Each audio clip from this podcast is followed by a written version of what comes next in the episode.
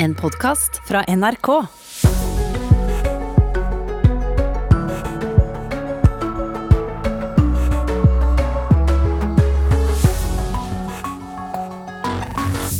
Mennesket står i T-banevogner med vann langt over livet, helt rolig. Biler og mennesker flyter av gårde i vannmassene. Flommen i Jiangsu i Kina kommer etter det har falt mer regn på én time enn det som rammet flomområdene i Tyskland på ett døgn. Mil Unnskyld, Miljøpartiet De Grønne mener Stortinget gjør langt fra nok for å hindre mobbing av politikere, som vi hørte i Dagsnytt. Og Frankrike setter fart på vaksineringen for å ligge i forkant av en fjerde smittebølge. Velkommen. Dette er Nyhetsmorgen frem til klokken ni i NRK P2 og på NRK1 med Hugo Fermariello i studio. Store deler av det sentrale Kina er altså rammet av flom og voldsomme oversvømmelser. Det er så langt rapportert om tolv omkomne ifølge statlige medier, men det er fryktet at antallet vil stige. President Xi Jinping forteller at situasjonen er svært alvorlig. Utenriksmedarbeider Eirik Veum, hva mer vet vi om det som skjer?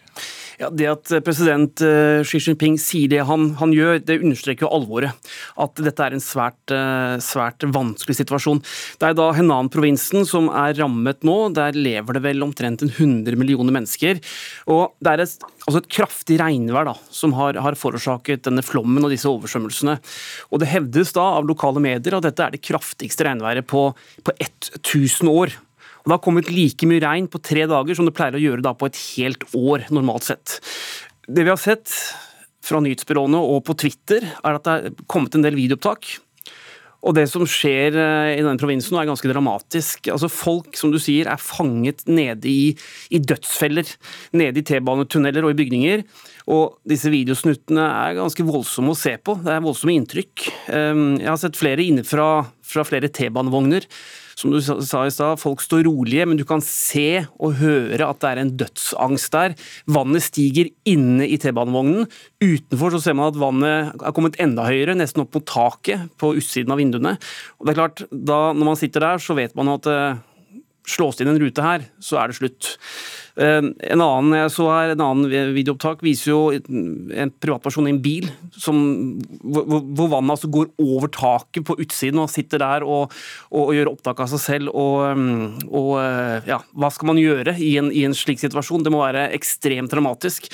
Vi har sett bilder fra kjøpesenteret hvor vannet fosser ned trappene, folk løper i panikk. Det er dramatisk det som skjer nå. Ja, Hva skal man gjøre? Hva gjør kinesiske myndigheter for å få kontroll på situasjonen? Ja, altså De har sendt inn militære styrker for å hjelpe redningsmannskapene. De sperrer områder, sender ut advarsler. 200 000 er eh, evakuert. Men hva gjør man når vannet er kommet? Det er der. Eh, byene er, eh, er oversvømmet, og um, det skal fortsette å regne i minst tre døgn. Shangzhou er en by med, med rundt 10 millioner innbyggere. Hvilke konsekvenser har oversvømmelsene fått foreløpig? Du, du har nevnt selvfølgelig noen av dem. Ja, vi, altså Byene er jo da selvfølgelig i en unntakstilstand. Strømmen har gått mange steder, så sykehusene må evakuere pasienter. Det sitter mange innsperret i bygninger. Flere barnehager skal, skal, være i noen av disse bygningene hvor det er småbarn. og det er klart, Der haster det å få folk ut. Og Så kommer det altså meldinger om at demninger kan kollapse ved byer som har da fem, seks, sju, åtte, ni millioner innbyggere. Og Hvis det skjer før disse byene er evakuert, så kan vi bare tenke oss konsekvensen av det. Hvorfor er dette området blitt så hardt rammet? Altså Selvfølgelig nedbøren, men har det også vært for dårlig beredskap? Jeg ser at flere internasjonale medier som BBC de peker jo på klimaendringene som, som, årsaken til dette kraftige regnværet. At det er global oppvarming som er forklaringen. Så kan man jo spekulere selvfølgelig i om kinesiske myndigheter har hatt god nok beredskap, om værvarslingen har blitt tatt på alvor. Uh, uansett så viser det jo hvor sårbare vi mennesker er. da. Når man sitter i en tunnel under bakken i en T-banevogn, og det kommer vann, så er det ikke så mye, mye, mye man får gjort uansett. Og vi følger selvfølgelig situasjonen i Changzhou og sentrale Kina. Det er altså 200 000 mennesker evakuert. Så langt er tallet på omkomne tolv. Takk, Eirik Wem. Norsk politikk. Nylig offentliggjorde Stortinget en serie med tiltak som skal forhindre mobbing og trakassering av de folkevalgte, etter at en undersøkelse i 2019 avdekket at én av seks representanter hadde vært utsatt for nettopp mobbing og trakassering det siste året. To tredjedeler av de som hadde opplevd dette, var kvinner, og mye av trakasseringen foregikk på internett. Andre kandidat for Miljøpartiet De Grønne i Hordaland, Josefine Gjerde, skulle ønske at presidentskapet strakk seg lenger med de nye tiltakene. Vi krever mer enn gode intensjoner og dersom vi skal klare å stanse hets. Og vi har allerede foreslått en tiltakspakke på Stortinget som da ble stemt ned. Jeg håper at Stortinget ombestemmer seg og hører på MDG og faktisk innfører tiltak som om. Det sier Josefine Gjerde, andrekandidat for Miljøpartiet De Grønne i Hordaland, om de nye tiltakene mot mobbing og trakassering av stortingsrepresentantene. De nye tiltakene innebærer bl.a. at nulltoleranse mot mobbing og trakassering kommer inn i den etiske veilederen til representantene, nye undersøkelser annethvert år og utredelse av en ekstern varslingskanal. Gjerde mener presidentskapet burde gjort mer. Vi mener at både politiet og PST trenger mer ressurser, så de kan følge opp de mer alvorlige tilfellene, og også både av de mer profilerte stortingspolitikerne og også lokalpolitikere og andre offentlige stemmer. Så mener vi at internettplattformene må ta et større ansvar for det som publiseres på dem, og det som spres, om det er rasisme, om det er antisemittisme. Det er for fritt i dag. Det gjør at vi mister mange viktige stemmer i debatten.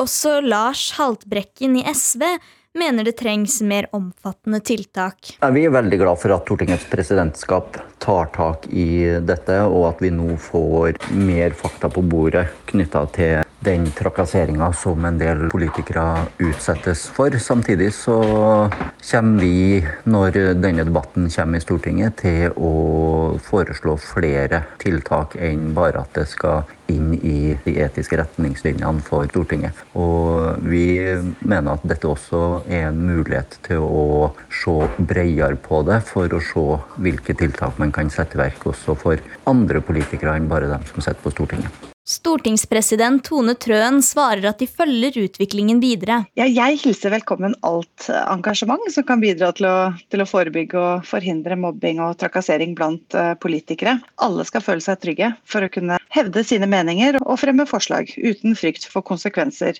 Vi i presidentskapet er klare på at vi ønsker å jobbe videre med problemstillingene, men vårt ansvar er å bidra til trygge arbeidsforhold for representantene på Stortinget. Vi har jo gjennomført nå helt konkrete tiltak. Og det at vi også har besluttet at det skal foretas en ny undersøkelse høsten 2022, og så annethvert år etter det, viser jo at vi er opptatt av å både ha kunnskap om og følge utviklingen på dette området framover. Sa stortingspresidenten til vår reporter Maria Jostad.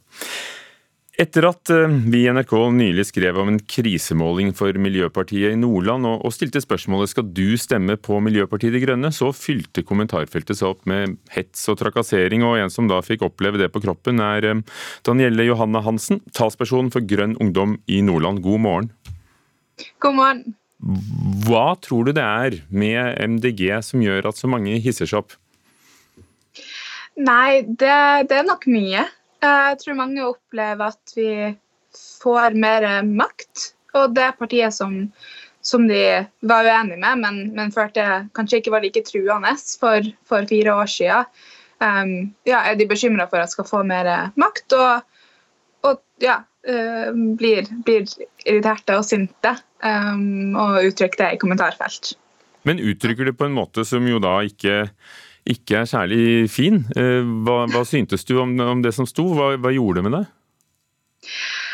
Nei, mange av de kommentarene var virka som, som, forsøk på å være artig, eller, eller eh, var ikke spesifikt retta mot meg. Um, og de gikk for øvrig greit. Um, men, uh, men, ja, det er jo frustrerende at når jeg blir ringt til å, til å komme med kommentar i en sak der jeg ikke engang sier noe radikalt politisk, at uh, ja, de kommentarfeltene skal, skal, angripe meg som person. Um, uten å egentlig vite noe om meg. Men hvor, hvor, Jeg regner jo med at du også som eh, politiker og samfunnsengasjert er vant til å tåle en god del og en tøff debatt. Hvor, hvor går den grensen mellom det du synes er utålelig og ufint, og, og, og det du regner, bare regner med kommer i en heftig debatt? Ja jeg, jeg, føler kanskje personlig at jeg tåler litt mer enn det som, som man burde kunne tåle. um, at bare fordi at jeg personlig ikke blir berørt av, av en, en, slem kommentar, betyr ikke det, det at det ja, er greit at man skal, skal, høre den type ytringer i den offentlige debatten, i hvert fall ikke i så stor grad. Um, ja, med, for min del ville det jo vært hvis, hvis jeg følte at, at, det var noe som begynte å gå inn på mitt personliv, eller, eller hvis jeg hadde fått tonnevis av meldinger i, i privat innboks og ikke under kommentarfeltet. Da tror jeg jeg hadde begynt å føle at, at ting gikk mer på meg. Um, men, eh, men, ellers så tåler jeg godt å bli kalt en idiot en gang iblant. vi, mm, vi, snakker om dette fordi eh, Stortinget har da lansert en serie med tiltak for å forhindre mobbing, som vi hørte om i sted. Hva, hva syns du om dem? Tror du, tror du det vil, vil, holde? Ja, eh, det ville jo ikke hjulpet meg. Jeg sitter ikke på Stortinget, da. men, men, det er jo et, et steg i riktig retning. Um, og så er det jo mye annet som jeg skulle ønske var i den. Kom igjen, hva da?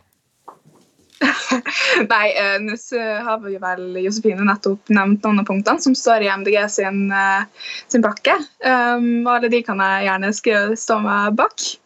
Um, utover det så har det vært vanskelig for meg å, å, å tenke hva, hvor det blir riktig for, for, staten å gå inn, eller politiet, og hvor det egentlig handler om et, et medmenneskelig eller et kulturproblem. Um, ja. Og det er litt vanskeligere å, å endre. Um. Fordi det er helt riktig, og helt, eller ikke helt riktig nødvendigvis, men det er helt OK at noen kaller meg en idiot i et kommentarfelt. Men hvis man er en 15 år gammel samfunnsdebattant som, som legger meg ut av avisa for første gang, og man får 7000 kommentarer som alle kaller deg en idiot, så går det inn på det. Um, og det er vanskelig å, å, å, skulle skille mellom, i hvert fall når man skal, skal vedta politikk eller lover eller sånn type ting. La oss la det stå som siste ord for denne gangen. Takk skal du ha for at du var med, Danielle Johanne Hansen, talsperson for Grønn ungdom i Nordland.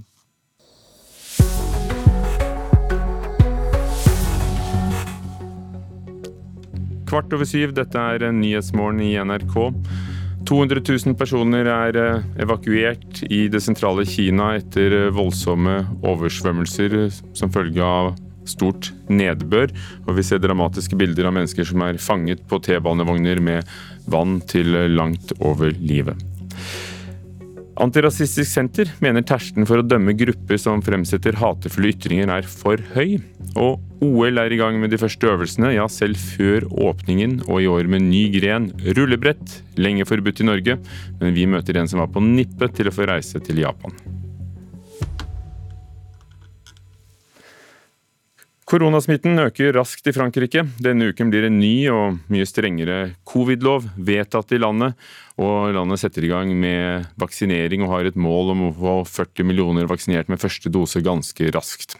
Denne loven den skal bl.a. Eh, innebære et krav om å være vaksinert for helsearbeidere, et krav om koronapass for å komme inn i butikker, restauranter og på arrangementer, og bøter for steder som ikke sørger for å overholde reglene. Simen Ekern, vår europakorrespondent. Ikke alle franskmenn er like begeistret. Nei, det er de virkelig ikke. Selv om eh, eh, president Macron har støtte fra et flertall i befolkningen til å gjennomføre disse tiltakene, så er det et ganske høylytt mindretall som, som er eh, mot. Og, og, det vi så i helgen, var, var, jo at over 100 000 mennesker demonstrerte rundt omkring i hele landet. Det har vært en del opposisjonspolitikere, både på ytre høyre og ytre venstre, som mener at dette er et alvorlig angrep på, på friheten. og en del av disse Eh, som demonstrerte, de, de tar jo i bruk temmelig, temmelig dramatiske ord da, når, de, når de beskriver hva, hva, slags eh, situasjon de nå eh, kommer til å befinne seg i i Frankrike. De snakker om eh, segregering, om apartheid, om å bli gjort til annenrangs borgere. Og, og, en del av, av dem gikk også med eh, gule stjerner i et nokså smakløst forsøk på å sammenligne dette med med forfølgelse av eh, jøder. Så det har vært, eh, vært temmelig, temmelig, eh, gått temmelig hardt for seg. Men det de mener, da, eller det mange av disse mener, er, er rett og slett at skillet mellom de som er vaksinert og, og, de som ikke er det, blir for stort, og, og, at man begrenser i for stor grad hva slags del av samfunnet man får tilgang til. Da.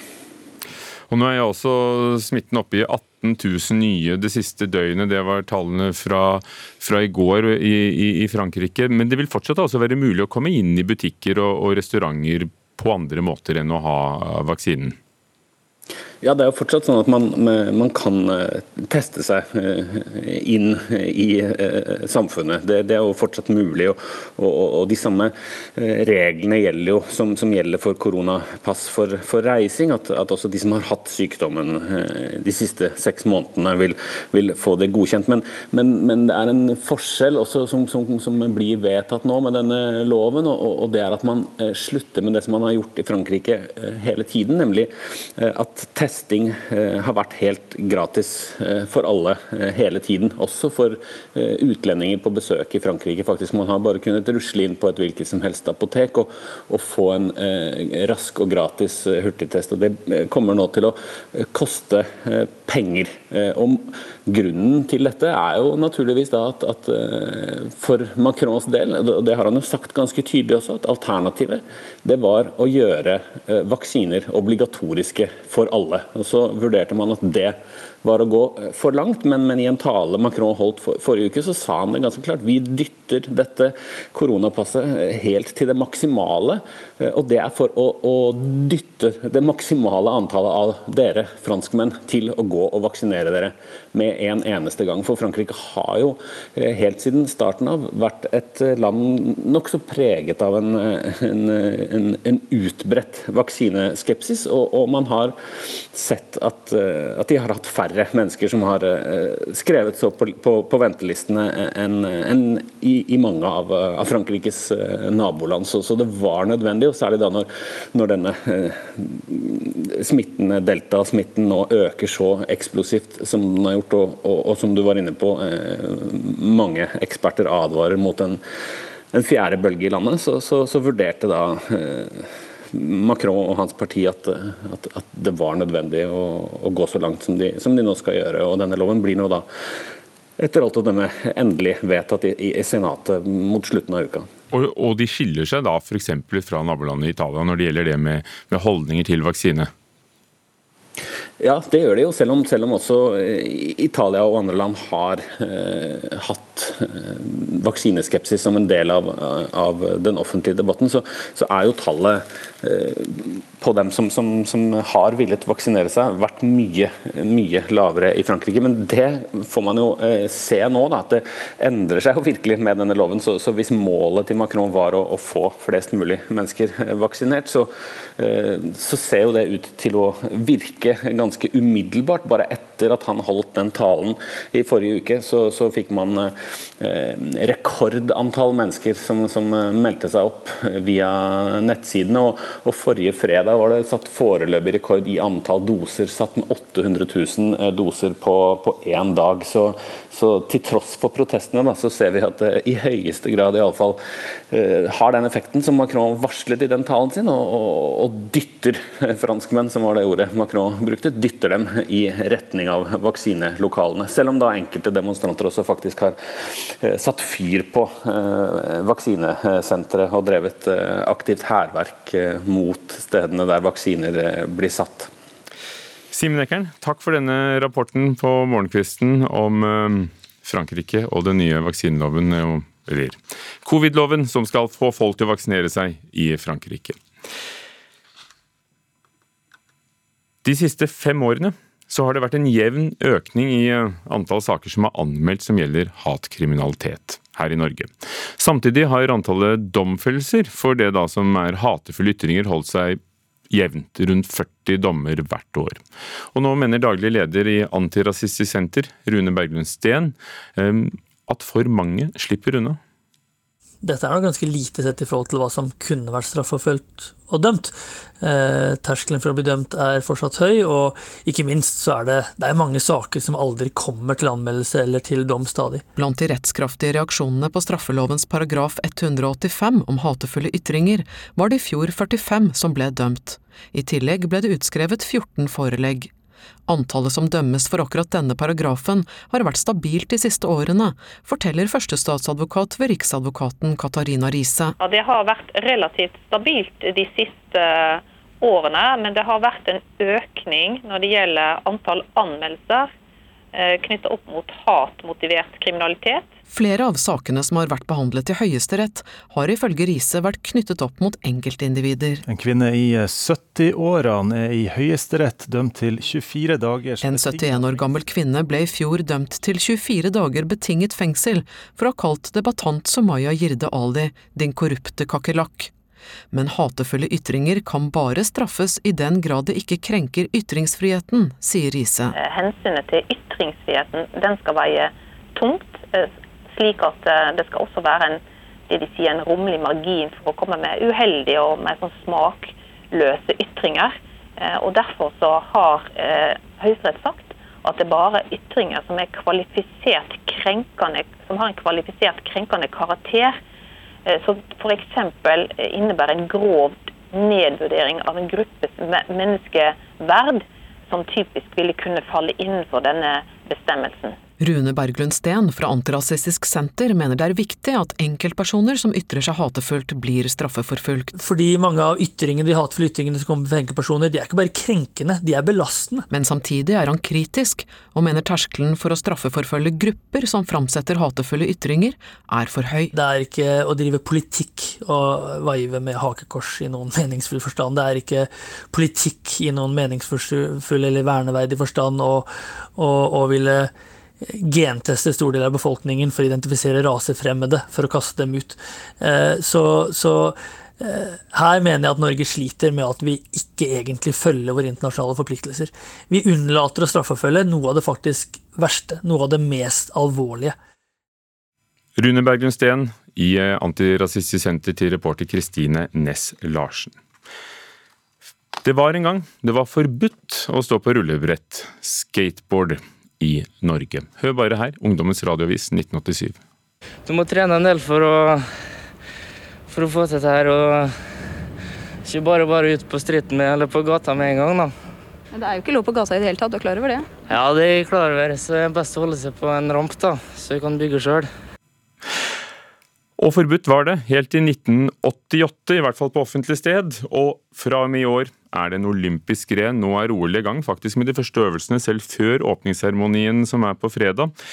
Dessverre kom ingen norske skateboardere med til Japan, men eh, idretten vokser. Og Tonje Pedersen, profesjonell skateboarder på det norske landslaget, god morgen. God morgen.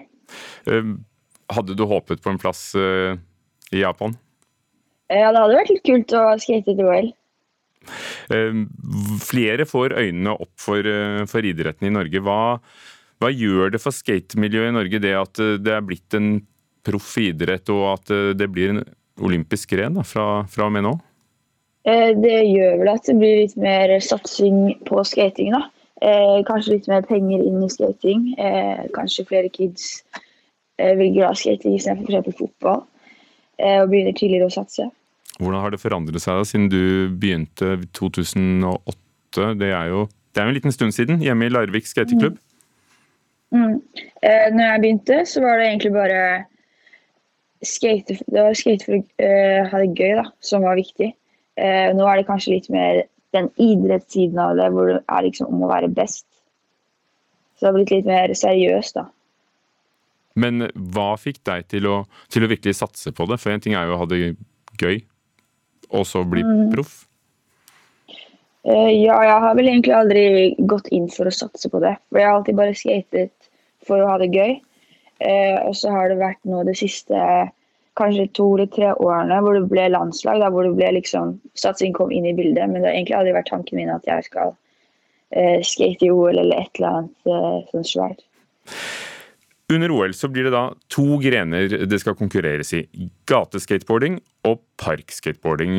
Hva er forskjellen, hvordan blir dette bedømt? Eh, park er et slags badebasseng, på en måte. Det er der det starta, sånn gamle badebasseng. Eh, hvor du bare kjører slags ramps, da. Det er buer. Eh, og street er mer eh, tatt fra gata. Så det er mer trapper og gelendere for som du skal skli ned, og curbs.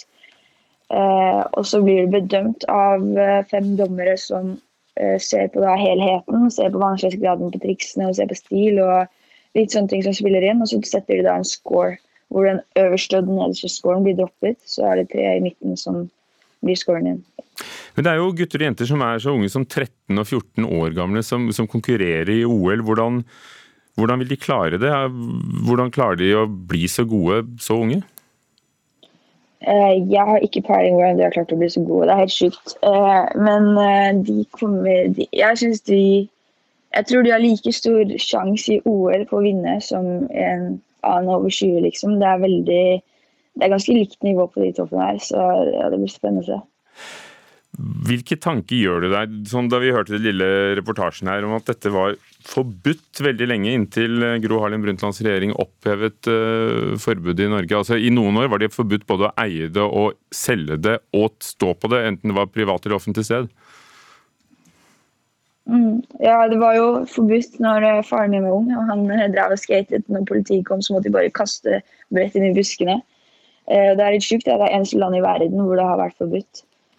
Og at det nå er i OL, ja, det er ganske sjukt. Ganske sjukt. Ny gren i OL. Takk skal du ha, Tanje Pedersen, som er skateproff her i, i Norge. Og så har altså OL kommet i gang, like ved Fukushima, med, en, med et møte mellom Japan og Australia i softball, og Japan knuste australierne 8-1. Det var det første som skjedde, men fredag åpner det. President Emmanuel Macron og flere andre stats- og regjeringssjefer kan ha blitt rammet av overvåkning med spionverktøyet Pegasus. Det har vært en stor avsløring som har rullet de siste dagene. Det skal vi gjøre mer om her i Nyhetsmorgen etter klokken åtte med en av Norges eh, beste sikkerhetseksperter. Som sagt, dette er Nyhetsmorgen i NRK P2 og på NRK1. Sommer i P2.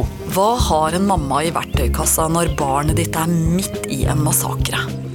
Jeg er journalist Caroline Bekkelund Hauge, og i Sommer i P2 forteller jeg om sårene og traumene min familie måtte reparere etter 22. juli. Sommer i P2 i dag klokka ni.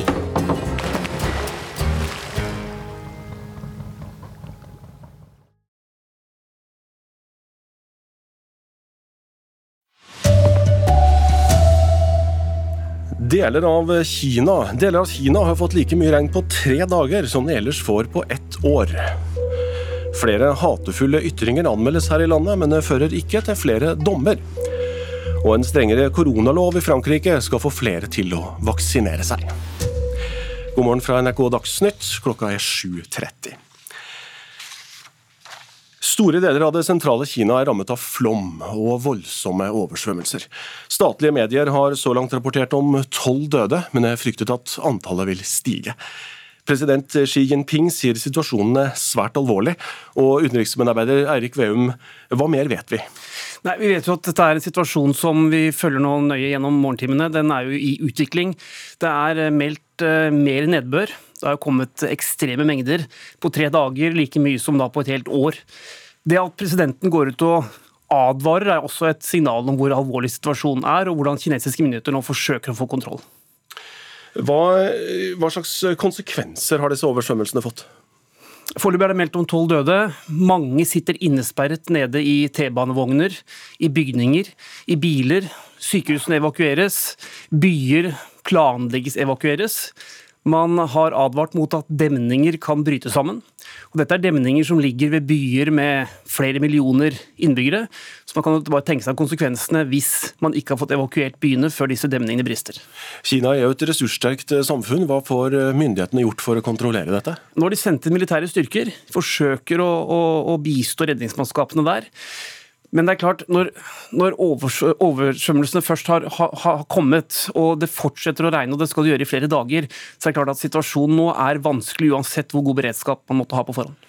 Hva vet vi om hvorfor dette området blir rammet? Eh, har det vært noe svikt i beredskap, eller, eller er det bare uflaks? Altså, flere internasjonale medier peker på klima forhold, altså at det er global oppvarming som har forårsaket dette kraftige regnværet. Det kraftigste på 1000 år, melder jo da internasjonale medier og i og for seg lokale medier. Men selvfølgelig, man kan jo bare nå spekulere om beredskapen har vært god nok, om man, har hatt gode nok systemer for å varsle, om man tok værvarslingene på alvor, slike ting. Og så viser det jo da igjen hvor, hvor sårbare vi er når man sitter i, en tunnel under bakken i en, en eh, T-banevogn og det kommer vann. Så, så er det jo kanskje ikke så mye man får gjort. Eirik Wem, takk skal du ha så langt. Vi skal til nyheter hjemmefra. De siste fem årene har det vært en jevn økning i anmeldelser av hatkriminalitet her i landet. Til tross for flere anmeldelser har tallet på domfellelser for hatefulle ytringer holdt seg stabilt på rundt 40 dommer i året. Daglig leder for Antirasistisk Senter, Rune Berglund Steen, mener for mange slipper unna terskelen for å bli dømt er fortsatt høy, og ikke minst så er det, det er mange saker som aldri kommer til anmeldelse eller til dom stadig. Blant de rettskraftige reaksjonene på straffelovens paragraf 185 om hatefulle ytringer, var det i fjor 45 som ble dømt. I tillegg ble det utskrevet 14 forelegg.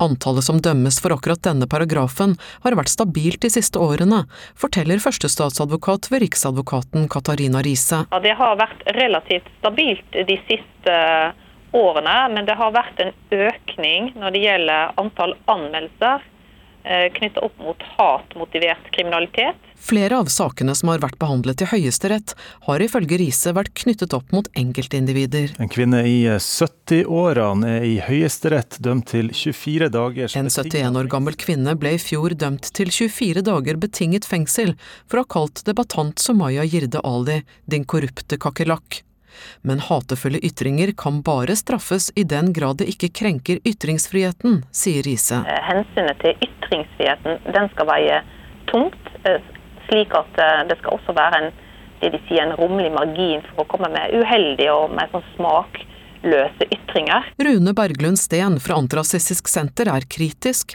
og mener terskelen for å straffeforfølge grupper som framsetter hatefulle ytringer, er for høy. Det er ytringer som forsøker å utbre et hat mot mennesker i vårt samfunn. Det er ytringer som kan bidra til å legitimere og legge grunnlag for vold og terror. Reporter i dette innslaget var Kristine Næss Larsen.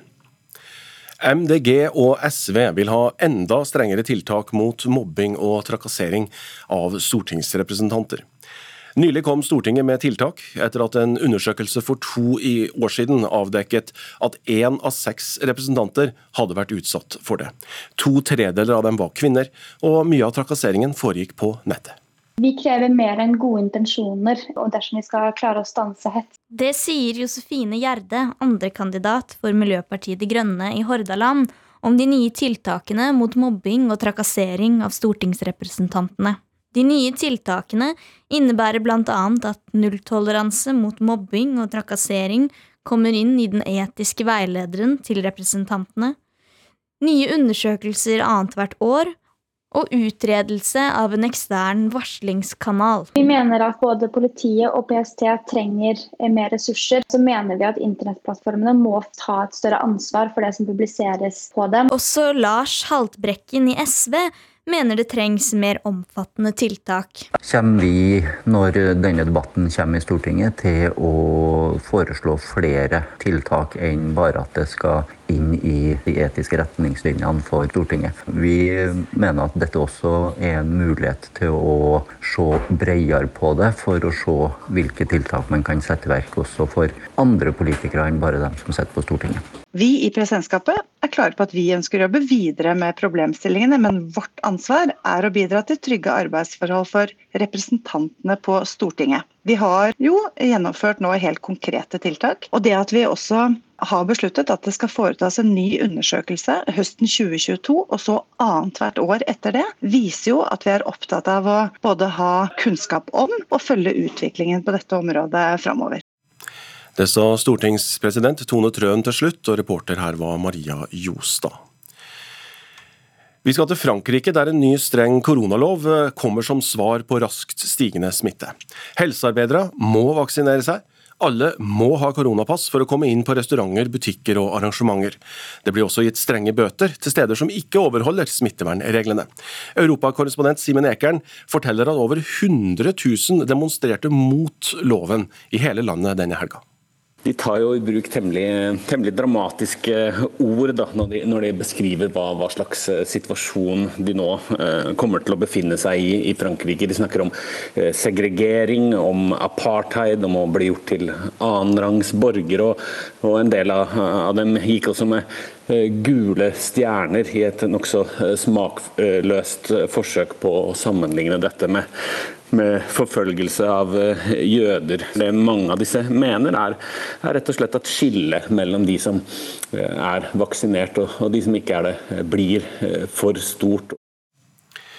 Alle bevilgninger for alkoholsalg i Oslo skal fornyes automatisk. Til nå har butikker og serveringssteder måttet søke på nytt hvert fjerde år, men byrådet i Oslo vil frigjøre ressurser til mer og bedre kontroll.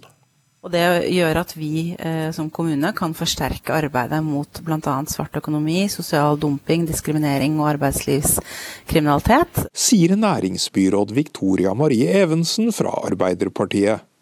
Alle salgs- og skjenkebevillinger skulle vært fornyet i fjor, men hele runden ble utsatt pga. korona. Nå foreslår byrådet å kutte hele søknadsprosessen. Det er en avbyråkratisering som gir næringen forutsigbarhet, men samtidig som det da også gir kommunen sterkere muskler, med tanke på at vi da fortløpende vil kontrollere alle steder i løpet av perioden. Så jeg tror dette er en mer målretta eh, og effektiv måte eh, å følge opp eh, denne næringen på. Oslos rundt 1200 utesteder med alkoholservering er gradvis på vei tilbake til normalen. Sammen med de 400 butikkene som selger øl, slipper de nå å gå gjennom en ekstra papirmølle. Og jeg tenker jo også at det er et viktig grep for en næring som sliter etter koronapandemien. F.eks. Fellesforbundet mener at bransjen ikke er ryddig nok til å få denne, kalle tilliten. Det er klart at det er jo store variasjoner, eh, men det er jo en eh, bransje hvor det har blitt også veldig mye bedre. Det sa næringsbyråd i Oslo, Victoria Marie Evensen. Reporter var Olav Juven. Og i Japan er sommer-OL i gang. To dager før åpningsseremonien har hjemmenasjonen Japan slått Australia 8-1 i softball for kvinner. Kampen ble spilt i Fukushima i natt norsk tid. Det vil også bli spilt fotballkamper før OL offisielt åpner på fredag. Ansvarlig for NRK Dagsnytt er Arild Svalbjørg. Mitt navn er Jon Branes.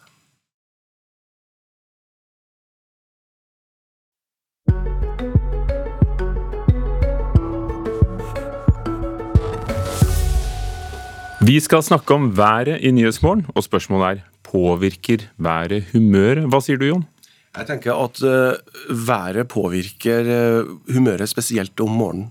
Enten du ser ut og det er sol, eller du ser ut eller, og det er regn. Da er du på linje med dem vi har møtt på gaten i Tromsø, men snart skal vi også høre en samfunnspsykolog som da skal ha greie på slikt, og han mener det motsatte. Denne sommeren har vi jo hatt det hele. Lyn, torden, tropenetter. Nå er det nysnø i Tromsø også, så vi begynner nettopp på gata i Tromsø. Lite grann, kanskje. Vi kom nettopp fra Oslo der det var strålende sol, så det var uh, litt mer positivt kanskje enn det det var her.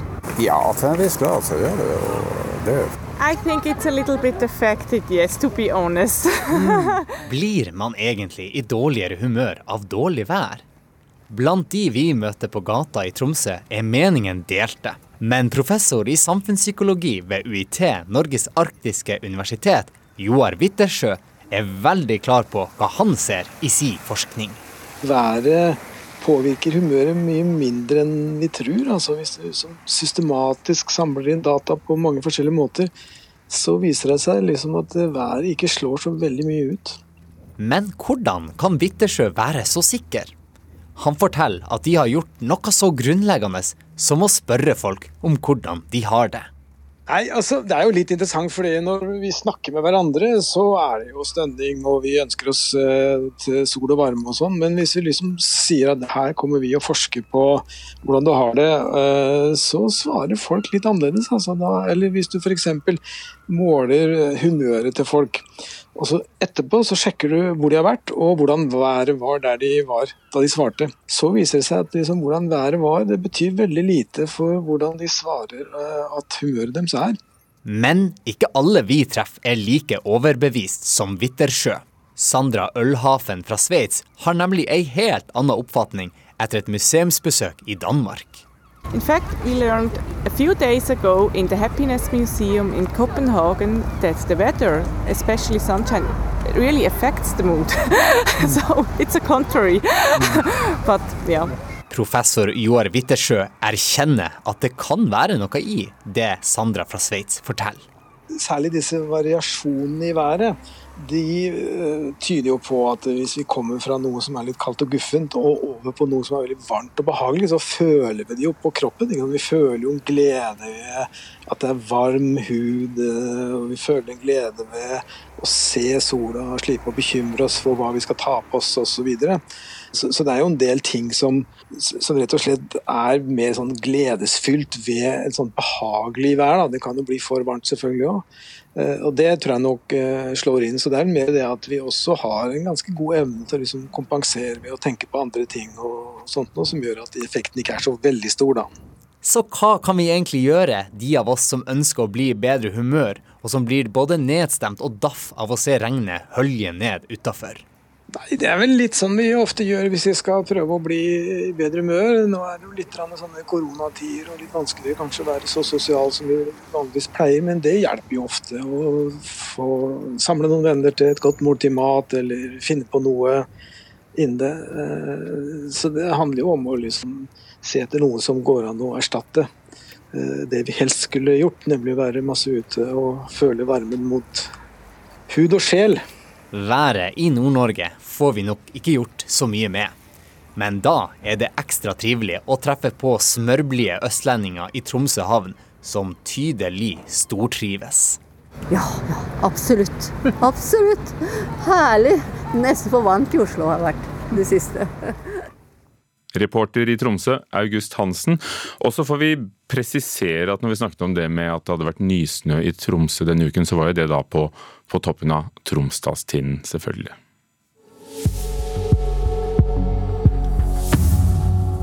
Klokken nærmer seg kvart på åtte. Dette er Nyhetsmorgen i NRK. 200 000 er evakuert fra sentrale Kina pga. flommen etter det voldsomme regnværet. Det kommer inn dramatiske bilder av folk fanget i T-banetog med vann til langt oppover livet, og biler og mennesker dras med av vannet. Miljøpartiet De Grønne og SV kritiserer Stortingets tiltak mot mobbing og trakassering. Og når det gjelder politikk, så er det nå klart for Politisk sommerkvarter. I dag med Senterpartipolitiker Emilie Mehl, intervjuet av Camilla Heiervang.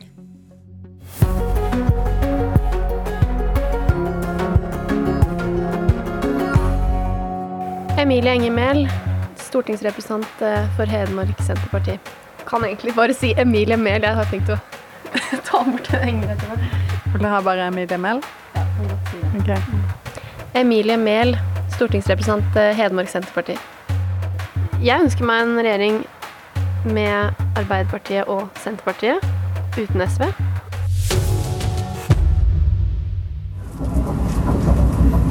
Det er neppe tilfeldig at Emilie Mehl fra Senterpartiet foreslo gården på Åsnes Finnskog som en passende lokasjon for dagens sommerkvarter. Reisen går i etapper. Et forsinket tog, en nokså tom buss. Hei. Bare én til Elverum. Ja. Egentlig bor hun her, på Elverum. Det er også her jobben som advokatfullmektig venter på henne. Men en times kjøretur unna ligger familiegården. Hei. Takk.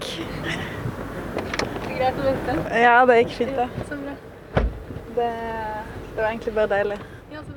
Nå kjører vi min Mazda, så den uh, har jeg hatt i torsdag. Veldig fornøyd. Her får jeg plass til alt jeg trenger for å overleve en uke. så bagasjerommet er konstant fullt av uh, ja, diverse klær og ting og tang som jeg har med meg rundt på nå som det er valgkamp eller um, ellers, da, når det er mye farting. I fire år har Mehl representert de hedmarkske skogene og folket som bor rundt dem, på Stortinget. Da hun ble valgt inn som 23-åring i 2017, var hun blant de aller yngste. Nå stiller hun til valg på nytt. Ja, her ser du en potetåker på høyre side f.eks., eller begge sider av veien for så vidt. Så det Hvis man ser seg om, så er det jo i hjertet av hvor veldig mye av det vi har på middagstallerkenen blir produsert. da.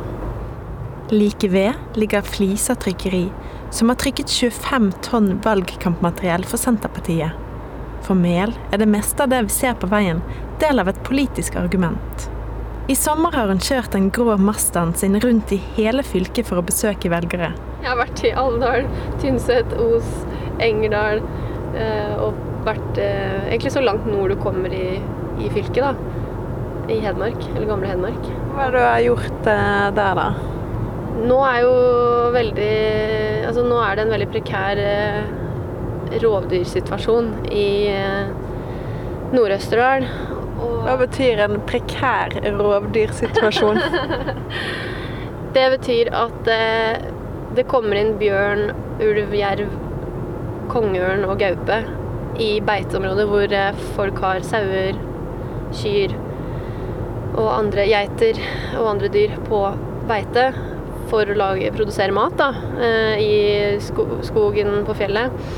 Eh, så kommer det rovdyr inn eh, i de områdene og tar beitedyret. Og det skyldes at, at høyreregjeringa som styrer nå, da, har, har, gjort at vi har fått veldig store, økte bestander av alle de store rovdyrene. Og det er veldig fortvilende for de som prøver å drive med næring, drive med sau, drive med utmarksnæring. Eller for reindriftssamene i Elgå f.eks. har jeg også vært nå. Hvor de prøver å forvalte både en kulturarv og produsere reinskjøtt da, i Femundsmarka. Men du, altså, du sier at høyreregjeringen har gjort at du har fått så store bestanddeler. Hvordan henger det sammen? I rovdyrpolitikken så er det, er det, sånn at det skal være en todelt målsetting. Det, skal være sånn, det er på en måte politisk enighet om da, at man skal både ta hensyn til beitedyr og rovdyrene. Men nå er forvaltninga lagt opp sånn at i nesten alle tilfeller så får rovdyrene forrang, og gjør det veldig vanskelig for de som driver med beitenæring. Da. Og i det her fylket her så er jo det hele livsnerven. Det er jo gård, utmarksnæring, jakt og friluftsliv og spredt bosetting. Da. Uten, uten det så er, er, det veldig store deler av Hedmark som mister, mister næringsgrunnlaget sitt da, og mister mye av grunnlaget for bosetting. Et hvitt våningshus og store, røde fjøs møter oss når vi kommer frem til far Eivind Mehl, som er bonden på gården. Det er deilig å leve et liv her ute òg. Nå har jo det som dere som har levd med korona da, og har kjent på, det, har jo, det er jo slik vi lever vanligvis. Har, Ser ikke folk og, jo, Det er jo utgangspunktet en sosial fyr. da. Nå er vi på gården eh, til familien min på Finnskogen i Åsnes kommune. Veldig fin sommerdag her. Sola skinner. Faren min er ute på jordet og vender høy. Og det er en hverdag i juli. Som på en gård så er det jo alltid noe som skjer, og det, det gjør det jo her også i dag. Så hvordan havnet du i Senterpartiet? Jeg hadde jo vært på utveksling i USA på videregående, og ble egentlig veldig inspirert av det. Det var en eh, liten aha-opplevelse både i forhold til eh, hvordan samfunnet fungerte der. Da. Eh, mange sosiale utfordringer som, som, jeg så der. Og, og også det at det var veldig mye fokus på skolen egentlig, til å engasjere seg. bruke tida på noe sånn samfunnsengasjement. Og når jeg kom tilbake til Norge for å ta siste år på videregående, så hadde jeg jo veldig lyst til å gjøre det her, da. Og da tenkte jeg at eh, det å prøve politikk, det må jo være gøy, fordi det er eh, der beslutninger tas. Og satte meg rett og slett ned og gjorde en ganske grundig jobb med å sette meg inn i de forskjellige programmene. Og for meg så ble jo valget av Senterpartiet et verdivalg den gangen. Det som var veldig viktig for meg den gangen, det var at jeg hadde familie over ganske store deler av Norge. Jeg har moren min i Østfold, og så hadde jeg faren min i Hedmark, og besteforeldre bodde i Akershus og i Hordaland. Og de hadde forskjellige yrkesbakgrunner. Noen jobba, noen andre var utenfor arbeidslivet. Det var bare så mange som jeg var glad i, som hadde veldig forskjellig bakgrunn og livssituasjon. Og så var det for meg viktig at hvordan kan man styre politikk sånn at folk kan ha det best mulig samtidig? Uansett hvor de bor i landet. Grunnen til at vi sitter her og snakker sammen nå, er jo fordi du har eh, lyst til å ta en ny periode på Stortinget. Hvorfor har du lyst til det? Jeg mener jo Senterpartiet virkelig trengs. Vi eh, vil ha et land hvor man kan bo både langs kysten og i eh, bygdene i Innlandet, Hedmark og Oppland. Men skal Norge ha kontorer, f.eks. lensmannskontorer, skattekontorer, ulike tjenester litt sånn uansett om det lønner seg eh, eller ikke. Når det, altså lønner seg i form av at det er mange nok som bruker den til at eh, det ikke blir så dyrt å drifte det. Når man sentraliserer f.eks. Eh, hva mener du med sentraliserer, egentlig? For det er jo noe som vi har hørt, eh, i hvert fall de som har sett litt på TV og lest litt aviser det siste året, har hørt eh, Trygve Slagsvold Vedum bruke ordet sentralisering i annenhver setning omtrent. Men hva, hva, hva ligger egentlig i det, liksom? Det er jo når man legger ned tilbud eh, som folk trenger der de bor. Eh, F.eks. det kan jo være bank, det kan være Nav-kontoret, det kan være polititjenestekontoret. Eh, og flytter det til større byer. Flytter det lenger unna av hverdagen i distriktene spesielt. Men også, man ser jo det samme i Oslo, hvor eh, f.eks. Eh, politiet da, ikke har eh, politiposter rundt i bydelene som de tidligere har hatt. Som andre ord, spørsmålet er skal man ha det hvis det ikke lønner seg disse lokale tjenestene? Spørsmålet er hvem det lønner seg for. fordi at eh, Når eh, staten og Erna Solberg legger ned f.eks. en politistasjon, så trenger folk fortsatt å besøke politiet. Og da må folk sjøl betale for å reise lenger til politiet. Eller hvis eh, det skjer en ulykke eller noe annet som gjør at politiet må komme dit, da, og så kommer de ikke, da må f.eks. brannvesenet stille opp isteden. Og da må kommunene betale for det. Det å mene at man skal ta hele landet i bruk, det er jo noe som favner egentlig alle politiske eh, områder. Men er det noen i politikken som er uenige i at eh, det skal bo folk i hele landet, og at vi skal bruke de ressursene vi har? Har dere egentlig noen reelle motstandere på akkurat det? Ja, vi har jo Man må jo se på hva partiene gjør. Og Senterpartiet mener jo at eh, både vi må ha tilbud og utvikling i hele Norge, og, at eh, folket skal styre eh, denne utviklinga. Og hvis man ser på hva Høyre har gjort, så har de jo f.eks. innført en sentraliserende politireform. De har innført en helseforetaksmodell for å styre sykehusene, som gjør at eh, sykehus ikke er demokratisk styrt i det hele tatt. Det Den var det vel Ap som foreslo i sin tid? Ja, det er jo også noe som Arbeiderpartiet har vært med på. Så, og de har eh, lagt ned utdanningstilbud i distriktene. F.eks. man ser på Nesna, hvor man har lagt ned høyskolen der, som er kjernen i lokalsamfunnet. Nå har de foreslått å legge ned sykehuset på Elverum, som er det nærmeste sykehuset fra her vi sitter nå, og som vil gå hardt utover hele den regionen vi er i. Og, og Senterpartiet mener at man må styre på en annen måte. Hvem er det som er vennene deres da i politikken? Senterpartiet går til valg på vår egen politikk. Og La meg gjette en Arbeiderparti- og Senterparti-basert regjering? Ja, hvis, eh, hvis vi får tillit, så håper jeg at vi får tillit til å sitte i en regjering sammen med Arbeiderpartiet. Å regjere med Arbeiderpartiet er den drømmen senterpartister bærer på i disse sommermånedene. Senterpartiet frir ikke til flere. For Senterpartiet er det helt uaktuelt å samarbeide med MDG og Rødt. Og så vil jo velgernes eh, stemmer Det er jo ikke en stemme som er avgitt, men det vil jo avgjøre hva slags styrkeforhold da, det blir mellom, eh, mellom alle partiene på Stortinget, og hvem som kommer over sperregrensa. Og så må vi ta regjeringsforhandlinger etter det. Eh, men det er jo men, Hva med SV, da? Jeg ønsker meg en regjering med Arbeiderpartiet og Senterpartiet, uten SV. Og så må vi se om vi får tillit i valget til å gjøre det mulig. Og så er det òg viktig å ha med seg at vi har også lang tradisjon i Norge for å ha mindretallsregjeringer. Sånn at eh, det er mange ulike kombinasjoner eh, som kan skje etter valget, og det blir bare spekulasjon og synes om det på forhånd. Snakkes det litt i Senterpartiet om å samarbeide mot, eh, mer mot sentrum og høyresiden? Høyre har ført en politikk de siste årene. Ja, det var ikke det jeg spurte om. jeg, jeg, jeg prøver å svare spørsmålet ditt. Eh. Se om du klarer å starte setningen uten å begynne med ordet Høyre. De siste åtte årene har Høyre Nei da. Nei, men poenget er at det, det ville vært umulig, sånn som politikken er akkurat nå, i mine øyne, da, eh, å skulle se for seg et samarbeid med Høyre om to måneder. Fordi at eh, Høyre har ført en helt annen politikk. De har ikke lytta til folk. De har sentralisert eh, masse.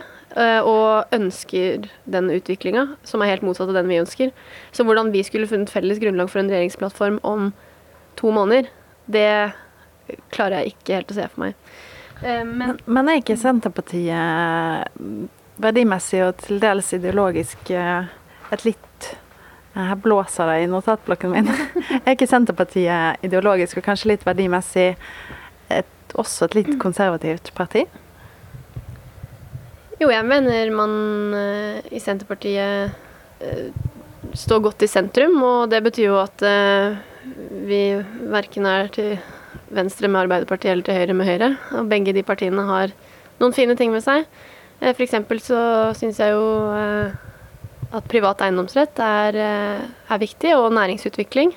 Det er jo noe som, som tradisjonelt har tilhørt mer høyresiden. Mens Senterpartiet mener jo òg at det er ekstremt viktig å utjevne sosiale forskjeller og geografiske forskjeller. og ikke øke skattene og avgiftene for mye, sånn at det blir dyrt for vanlige folk å kjøre til jobben f.eks.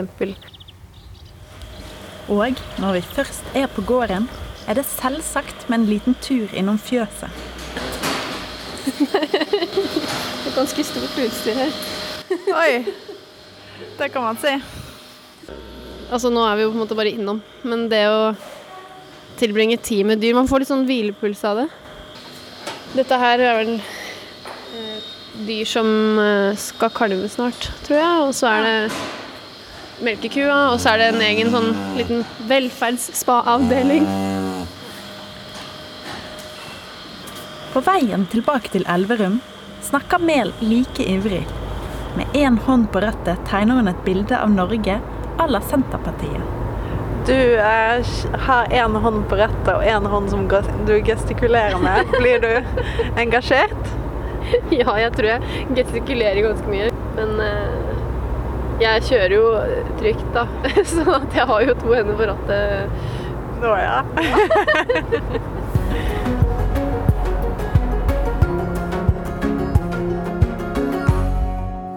Du har hørt en podkast fra NRK. Hør flere podkaster og din NRK-kanal i appen NRK Radio.